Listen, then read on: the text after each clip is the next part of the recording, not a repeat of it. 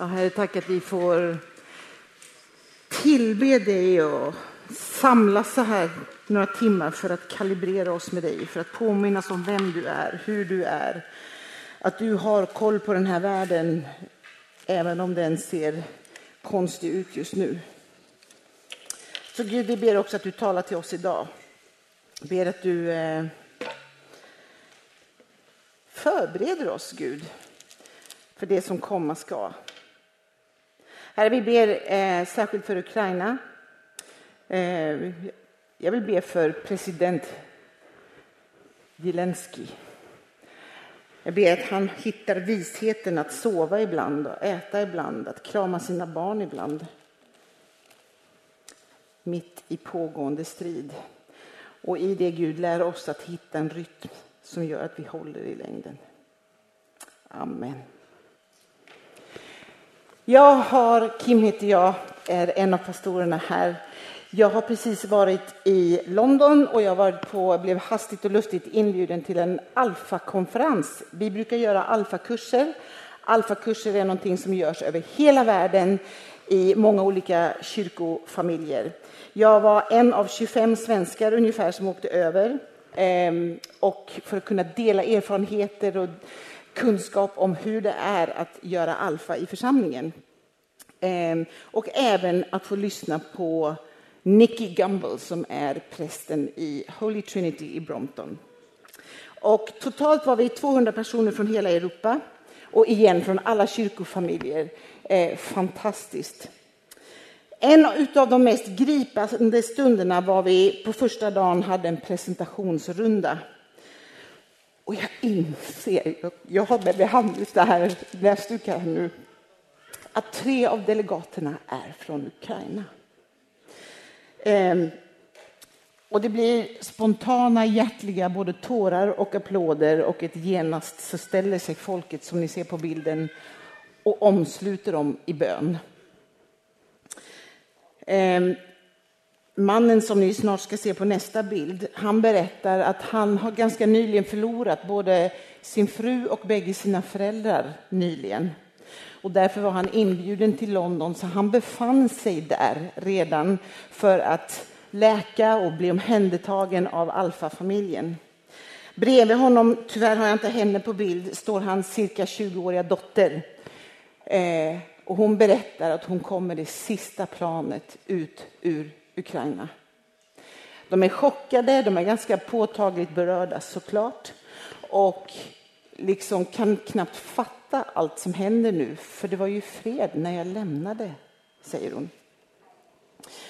Givetvis så bad vi både för Ukraina, för människor på flykt, alla som var kvar och kämpar, eh, men också för de kringliggande länderna, Polen, Rumänien och, eh, och eh, Moldavien och alla de här. Eh, och därifrån var det också, de omslöts på den här bilden, nästa bild om du tar den. Han som står vid mikrofonen är ukrainaren, men runt honom står nu människor från Polen, Rumänien, Moldavien och liksom Östeuropa och berättar om allt vad människor gör just nu. Två män ropas fram. De presenteras som två hjältar de har åkt in i Ukraina och hämtat 40 barn från ett barnhem. Och de får ju applåder och så vidare, men de avböjer applåderna och säger att det inte är vi som är hjältar. Låt mig berätta, säger han, vem hjälten är. Och så berättar han om en fyraårig flicka som hastigt och lustigt, eh, olustigt upprycks från ett barnhem blir satt på en buss och får åka i 72 timmar utan mat, utan vatten. Kommer fram till en gård i, jag tror att det är Rumänien. Och där får de äntligen liksom sitta ner, pusta ut och peta i sig lite mat. De här två männen går omkring bland borden och bara ser hur mår ni, hur har ni det? Varpå den lilla fyraåriga flickan räcker upp armarna till honom i ett lyft upp mig. Och han lyfter upp henne, omfamnar henne. Och så liksom bara hör han sig själv säga, är du Guds gåva till mig? Och hon svarar, ja. Och så säger han sen att där talade Gud till mig och sa Tänk att vi som Guds barn i alla livets omständigheter, i vilken trasighet, vilka omständigheter vi befinner oss i, har förmånen att få räcka upp våra armar till vår himmelske fader. Det är därför vi står med upplyfta händer i tillbedjan. För det är det vi gör. Vi räcker upp våra händer till våra himmelske fader.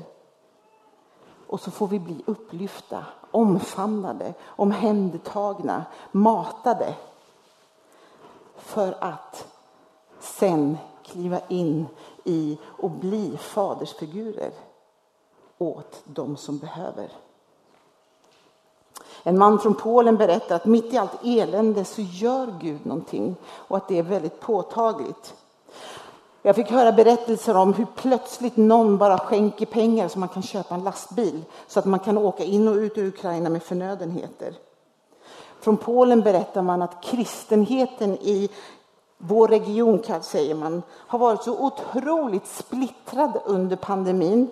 För det är ett område där konspirationsteorier kring pandemin, vaccinet, ursprunget, alltihopa har varit tufft. Eh, och nästan fientligt. Men nu, när det här gäller, då är det plötsligt som att Guds folk får fokus. Plötsligt får det som är viktigt bli viktigt, får ta plats och folk kliver in och blir enade och hjälps åt sida vid sida. Det gör någonting med Guds folk, men inte bara med Guds folk, utan det som är rätt blir också rätt i hela samhället. På en svensk Facebook-sida där man förmedlar kontakt och boende för ukrainare som nu är på antågande så ger man följande råd till svenska hem. När du gör i ordning ett hem eller ett rum i ditt hem för att tänk på att göra så att de känner sig hemma. Om det finns barn, lägg gärna fram några leksaker, kritor att rita med och så vidare.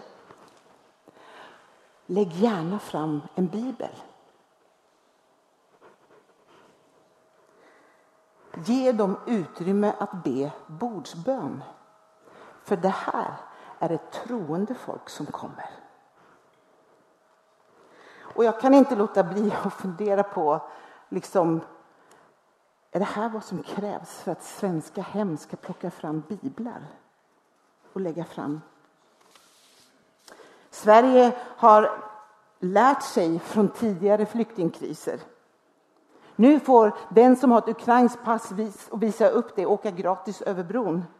Både SJ, Skånetrafiken låter människor åta, åka gratis. Jag hörde talas om en konduktör som när han såg ett varmt eh, eh, ukrainskt visa säger Åh, välkommen till Sverige. Är ni hungriga? Gå in i bistron och ät. Så har inte alla här inne blivit bemötta. Så är det fortfarande inte för många. Jag tycker att man skulle ge alla med LMA-kort att åka gratis buss, men det kan vi ta till en senare diskussion. Men jag måste glädjas åt att Sverige har lärt sig någonting. Att vi kliver in i en attityd som är välkomnande, positiv, omhändertagande. Just nu, och jag fick ändra den här siffran i morse, är tre miljoner på flykt från Ukraina. De är utanför Ukrainas gränser. Det är väl Köpenhamns huvudstad, tror jag. Utöver det är över sex miljoner människor internflyktingar, hemlösa, på drift inom gränserna. Och jag har lärt mig att när det är krig, när det är kris, av en, det kan vara svält, det kan vara liksom i ett land, så det, brukar man säga att ungefär 30 procent av ett lands befolkning flyr, tar sig vidare någon annanstans. Om det skulle bli så för Ukrainas del så innebär det 11 miljoner människor. Det är mer än Sveriges befolkning, eller samma ungefär. Och det är en stor skillnad jämfört med 2015 när vi var med om det här senast det är att det den här gången är kvinnor och barn som anländer. Som sagt, Bibeln säger en hel del om människor, både till människor och om människor på flykt. Och som Emma sa nu så ska vi ägna oss åt det här de här kommande veckorna. Och vi kommer prata om migration och integration och allt vad det innebär. Och det är helt uppenbart, det kan jag avslöja redan nu, att migration sker sällan frivilligt. Gud kallar vissa att dra upp och lämna ett land, ett hem. Det sker också. Men i de flesta fall så är det inte frivilligt. Och innan vi just lämnar situationen med Ukraina så, så jag vet att det undras liksom, hur kan vi hjälpa till? Människohjälpen, Europaporten. Om du köper schampo, köp två flaskor och ge bort den ena. Bunkra på med barnmat, blöjor, hygienartiklar. Det frågar de efter. Kläder kan man vänta med just nu. De får gärna komma dit till klädhjälpen och komma vartefter. Där har de möjlighet att prova och så vidare. EFK, vårt, samling, vårt samfund, gör insamlingar och jag vet att en busslast med 200 ukrainare är på väg till Hjälmagården just nu, om inte de har anlänt redan. Fundera på om du har ett hem där du kan ta emot någon. Det är inte för alla, men jag vill ändå bara så här. Och du ska tänka igenom det noga. Jag kommer tillbaka till det. Niklas och jag pratade igår om att vi kanske i alla fall ska beställa biblar på ukrainska så att vi kan ge till Människohjälpen, ha så att vi är beredda om och när de kommer hit.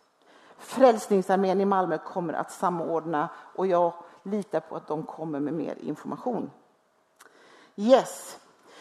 Ehm, under några veckor kommer vi att som sagt studera Bibeln, lyssna på berättelser som, som vi fick höra på Madeleine, men lite utifrån olika vinklar och sammanhang. Utifrån människor som har mött människor på flykt eller som kanske själva har upplevt flykt. Och jag vill backa bandet nu helt och fullt till början. Ehm, jag har en vän som heter Christian Mölk. Han har skrivit en bok som heter Främlingsvänlig. Och den är upplagd så att den, man kan använda den som en andaktsbok egentligen. Det är korta små avsnitt varje, eh, varje dag, säger jag, eller en gång i veckan, beror på. Eh, där vi hämtar en del ifrån. Jag har ett litet gäng sådana. Vi har köpt in dem för 60 kronor, men jag säljer dem för 100, så kan vi ge bort lite pengar.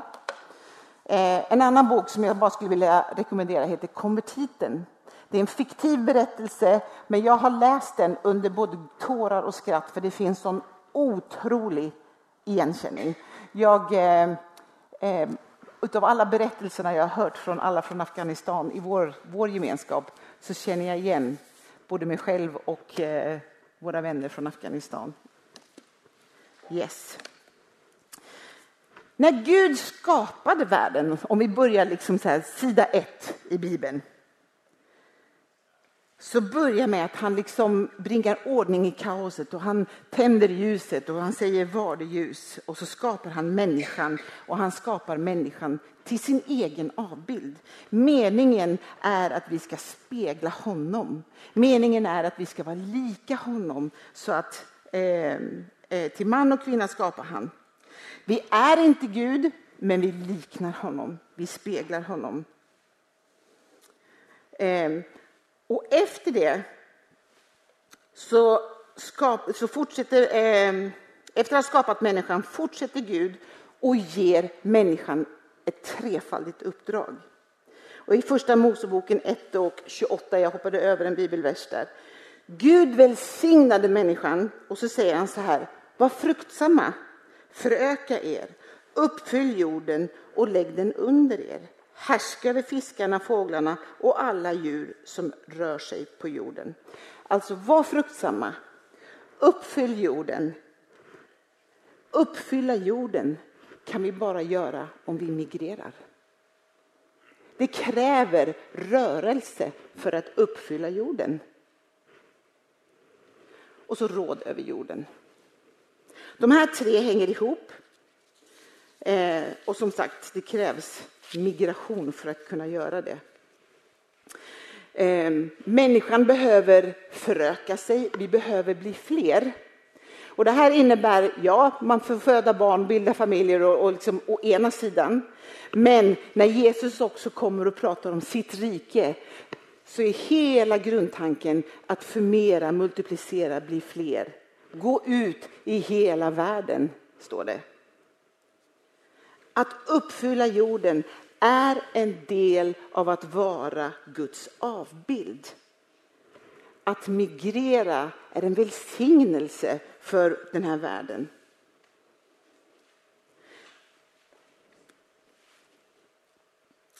Vi blir Guds representanter på jorden för att fortsatt skapa en vacker värld. Vi skapar att vara lika Gud till Guds avbild. Men i det är vi också skapade att vara varandras medmänniskor. Och det här skapar han och sen händer något. Och det som händer är att synden kommer in i världen. Genom Adam och Eva först, vårt gemensamma ursprung. De syndar gentemot Gud, de lyssnar inte på honom. Med en konsekvens att de fick lämna lustgården. Det är den första landsförvisningen, de sattes på flykt. Deras barn, Kain och Abel, de syndade sen mot principen medmänniskan. Adam och Eva syndade mot Gud, Kain och Abel syndade i relation. Eh, och det gick så illa att Kain faktiskt hade ihjäl sin bror. I första Mosebok 4, 3-5 så står det så här. En gång kom Kain med en del av sin skörd av frukt som offergåva till Herren. Också Abel kom med feta köttstycken från, sin först, från sina förstfödda lamm. Herren såg med välbehag på Abel och hans offer, men inte på Kain och hans offer. Och detta gjorde Kain vred, och han sänkte blicken. Nu ska vi inte läsa in någonting om att frukt och grönt inte är bra eller att kött är bra. Eller, och det, det är inte det det handlar om här. Det handlar om i vilket uppsåt, vilket hjärta Kain offrar till Gud. Eller kanske låter bli att offra. Eh, jag, jag, är en bildmänniska så man tänker liksom att oh, ett härligt fruktfat.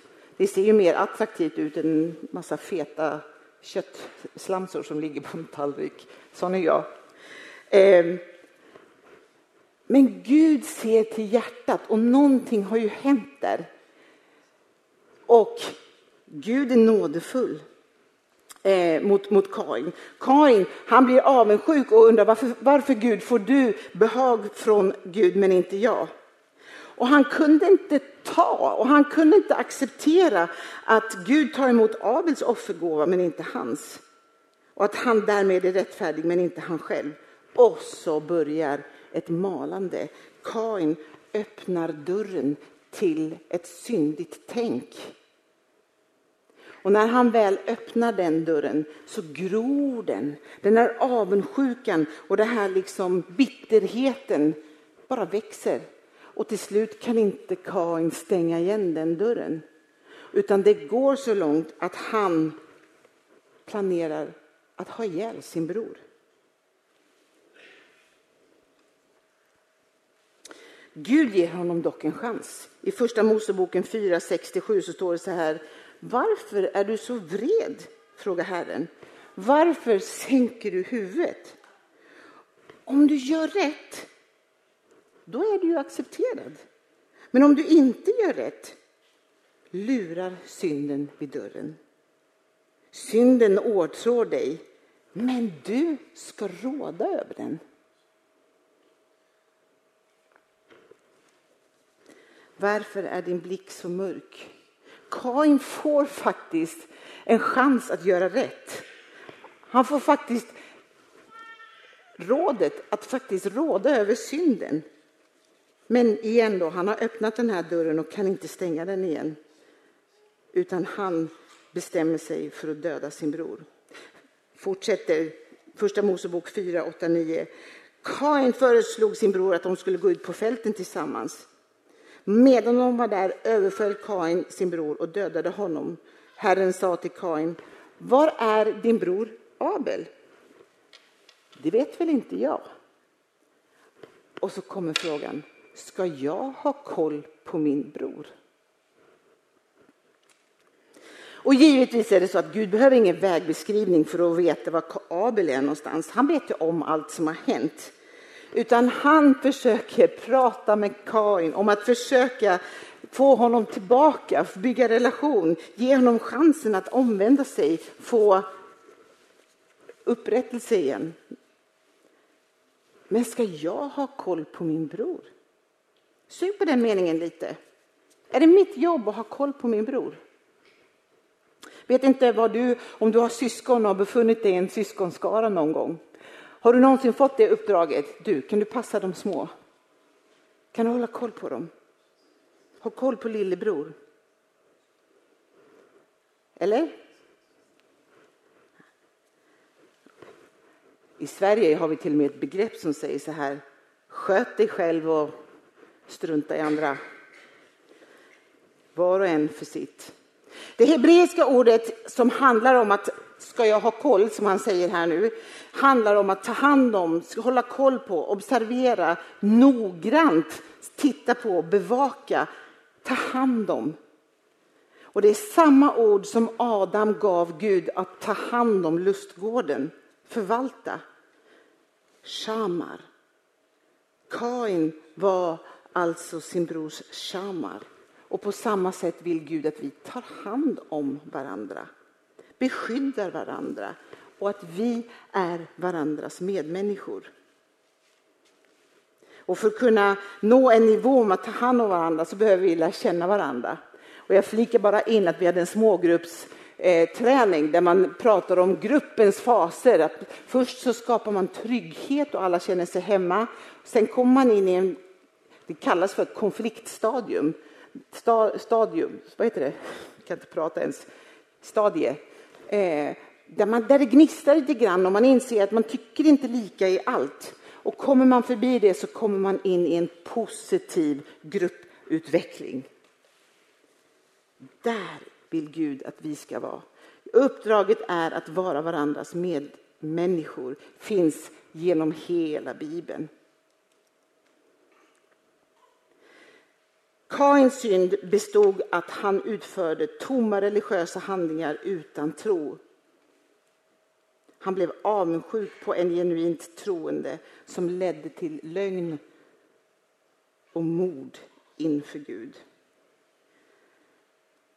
I morse läste jag att till och med Putin har citerat Bibeln. Och någon skrev att det här är en hädelse. Och jag är benägen att hålla med. Den som ger sitt liv för andra, eh, och ni vet. Eh. Paulus sen i Nya Testamentet, när han eh, liksom har lärt känna Jesus, han säger också så här, ve de som följer Kains exempel, eller ve den som har slagit in på Kains väg. Det här känns tungt och mörkt nu, hörni. Ehm. Men bara kom ihåg att synden i mänskligheten består av att man inte lyssnar på Gud och att vi inte tar hand om varandra. Och det brottas vi med fortfarande. Och tänk då vilken otrolig kontrast det blir när i Lukas 10.27 så sammanfattas hela det bibliska budskapet i en vers. Du ska älska Herren din Gud av hela ditt hjärta, av hela din själ, av hela din kraft och ditt förstånd och din medmänniska som dig själv. Var fruktsamma, uppfyll jorden, råd över den. Sen fördrivs folk på flykt.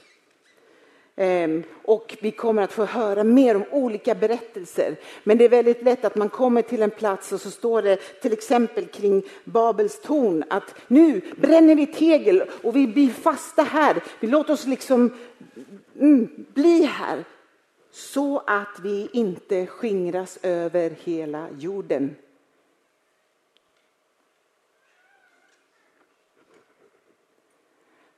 Guds uppdrag är att vi ska skingras över hela jorden. Och att fastna i stagnation eller i bekvämlighet eller i fastrutat så att vi inte kan förmera, så att vi inte kan migrera.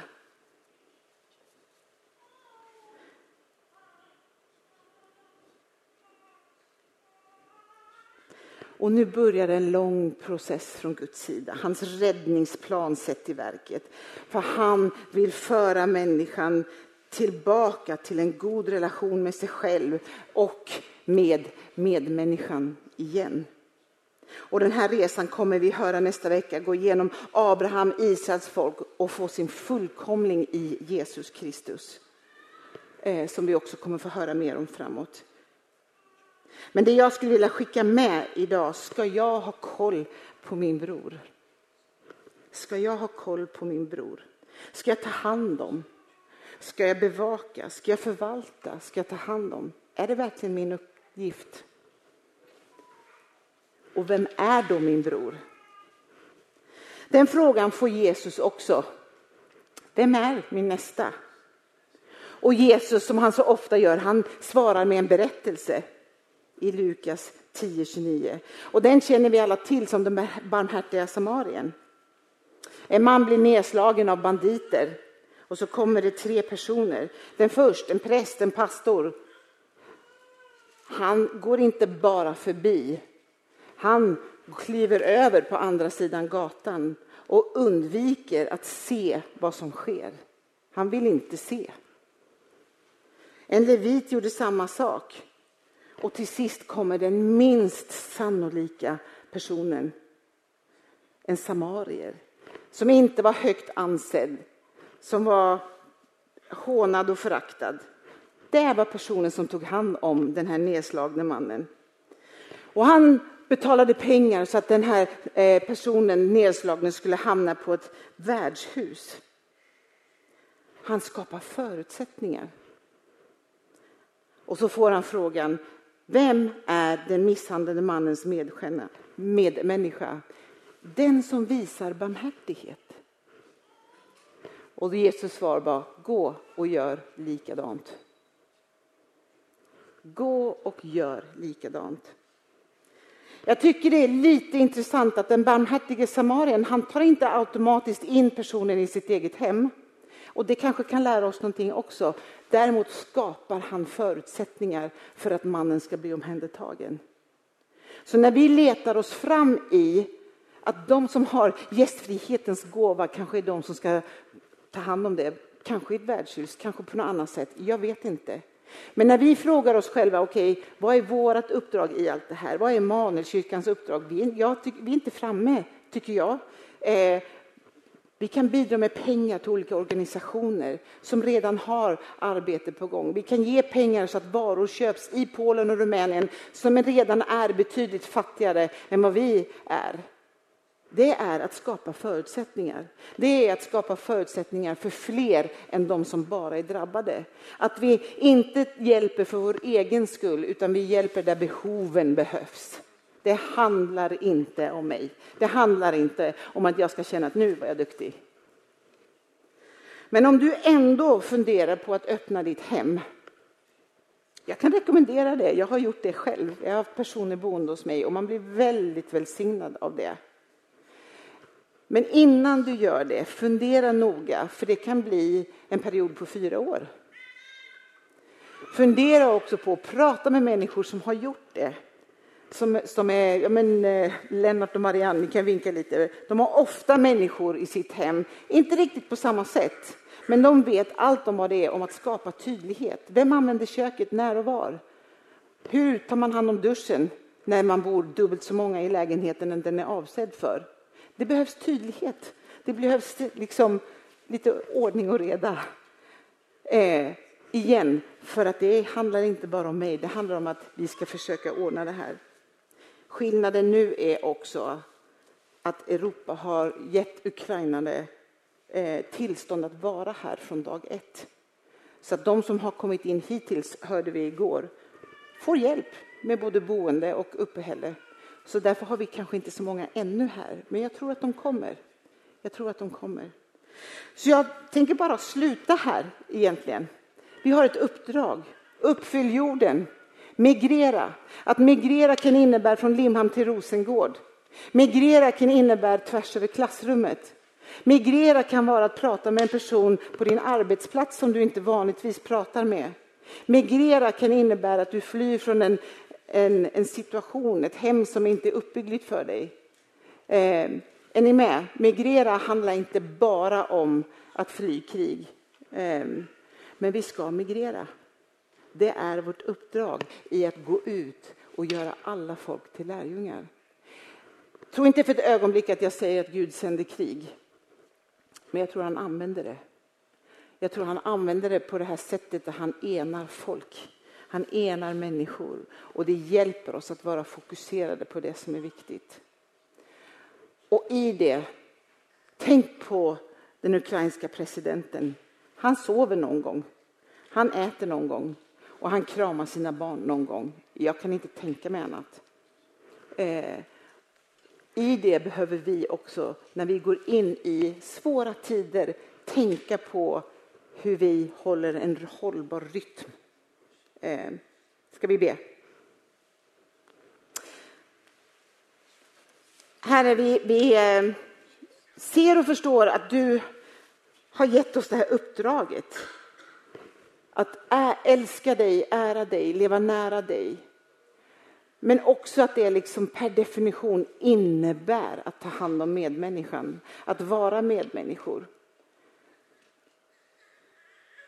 Hjälp oss att liksom bli händer och fötter i människor vi möter omkring oss.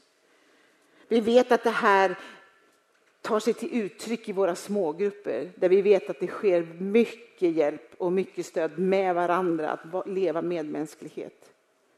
Jag vill välsigna alla smågrupper. Jag vill välsigna alla, eh, ja, men alla grupper som visar omsorg om varandra i vår gemenskap. Jag tackar dig för att vi ska få fika idag och vid fikaborden få visa varandra medmänsklighet och omsorg. Gud, jag ber att du hjälper oss att ge förutsättningar, att som församling ge förutsättningar. Och jag ber att du visar oss vad det innebär. Jag ber att du visar oss vad det innebär för oss och vad det är, vilka dörrar öppnar du för oss att kliva in i eh, så att hjälpen kommer till att bli så effektiv som möjligt. Led oss i det, Herre. Jag ber om det. I Jesu namn. Amen.